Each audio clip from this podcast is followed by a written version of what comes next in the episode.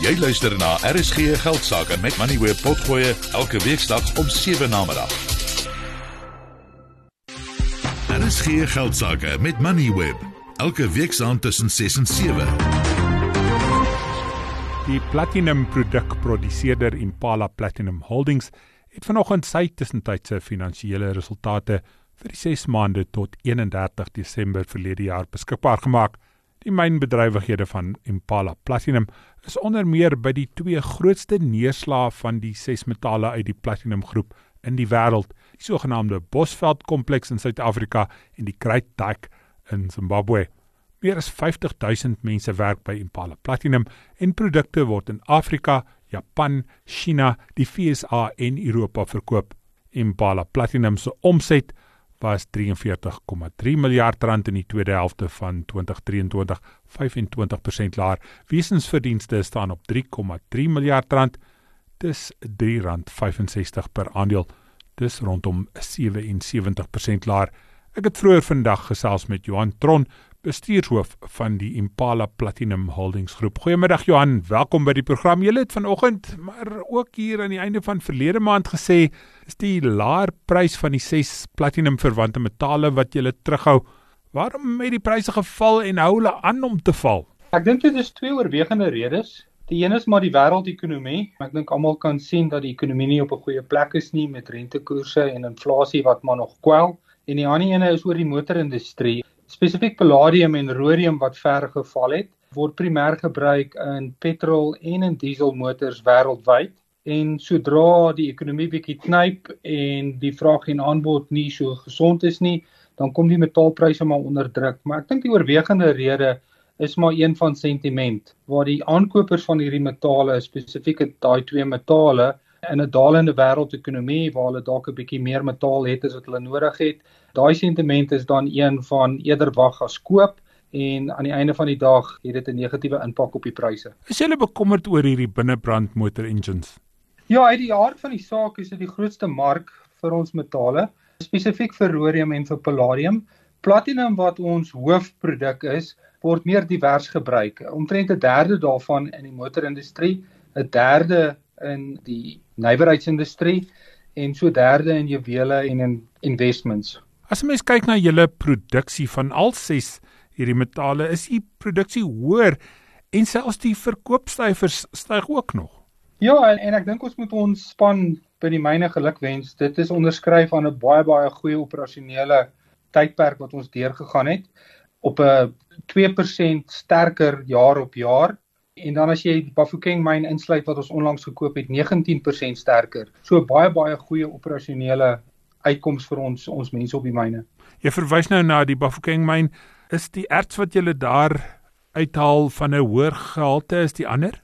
Dis 'n jonger myn as die een langsaan ons groot Rustenburg myn. Daar's ook 'n gedeelte wat 'n mens met meganiese toerusting kan myn. Sommige dit 'n baie jonger vlakker myn is wat met meganiese toerusting gemyn kan word, is dit uit die aard van die saak 'n baie goeie toevoeging tot ons groter myn wat reg langsaan is. Ja, hoe raak die swakker rand julle julle kry baie meer rande vir elke ons wat julle verkoop daarin?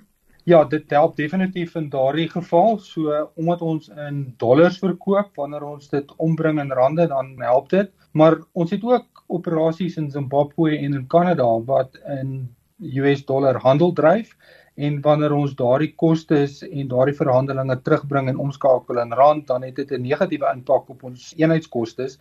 In hierdie geval hierdie jaar, hierdie periode, het ons eenheidskostes met 'n 5% wat 'n baie goeie syfer is gestyg, maar 2% daarvan is die omskakeling. So op daardie vlak het dit ons so 'n bietjie gekniehalter. Die ongeluk by Elfskag daar in Rustenburg staan nogal hoog op in julle finansiële verslag. Waar is julle met die ondersoek na wat daar gebeur het? Ja, uit die aard van die saak baie baie tragies en dit is een van seker die groot goed wat gebeur het hierdie jaar en iets wat ons op baie aandag vestig. So daar is 3 ondersoeke. Die eerste ondersoek is maar 'n toneelondersoek. Dit is lankal terug afgehandel na die ongeluk. Dan is daar 'n ongeluk wat ons doen saam met die departement van mineraal sake en hulpbronne en energie. Daardie ondersoek is op 19 Januarie voltooi en dan is daar 'n derde onafhanklike ondersoek waarmee ons nog besig is wat waarskynlik nog etlike maande sal neem om klaar te maak. So is daar al voorstelle gemaak oor hoe jy sulke ongelukke in die toekoms kan vermy en het jy al veranderinge gemaak? Ja, ek dink dis belangrik om 'n stapie terug te vat en net te sê dat met die ongeluk het ons al hierdie huisers op ons myne gestop en ons het 'n deeglike ondersoek ingestel om seker te maak dat daar niks is wat ons ontstel kan maak nie. So voordat ons operasies weer aan die gang gesit het, het ons seker gemaak dat al daardie stelsels reg is. En ek dink ons kan met confidence sê dat op die ondersoek, dit is nie die huis tou wat gebreek het of swak hersiening van die stelsels of dat ons geld afgeknyp het waar ons nie moes nie. Ek dink dit ons is duidelik dat die primêre oorsaak is by die stroombaan by die beheerstroombane wat hierdie huiser beheer. Dit is waar die ondersoek nou gefokus is om te presies te verstaan binne daardie outomatiese beheerstelsel wat daar verkeerd gegaan het en wat die onderliggende redes daarvoor kan wees en daar's uit die aard van die saak baie goed wat daar deeglik ondersoek moet word voordat ons regtig kan sê presies wat al die onderliggende redes is hoekom daardie stroombaan beheermeganisme nie gewerk het soos hy moes werk en soos dit wêreldwyd werk eintlik is daar bitter min van hierdie insidente. Toe jy gekyk het na die ander huisers in julle sake met hierdie ondersoek, het julle nog probleme gekry? Ons het niks gekry wat verband hou met wat by Elskag gebeur het nie, maar ek dink die aard van so deeglike ondersoek is, is mense krap maar altyd goeters uit waar jy kan beter doen. En dit is definitief ons intensie om al daai goederes te deel, nie net met die mynbouindustrie in Suid-Afrika nie, maar wêreldwyd omdat hierdie stelsels oral in die wêreld gebruik word en uit die aard van die saak enigiets wat ons leer en kan deel en die mynbedryf veiliger kan maak, is definitief iets wat ons graag sou wil doen. Johan, ons het in die begin van die onderhoud effens hieraan geraak, maar hoe lyk die toekoms vir die platinum bedryf in 2024? Ek dink oor die die medium termyn is ons opgewonde en sien ons 'n toekoms vir ons produkte die wêreldekonomie en die rentekoerse, dit is ons verwagting dat dit sal sterker word en sal groei.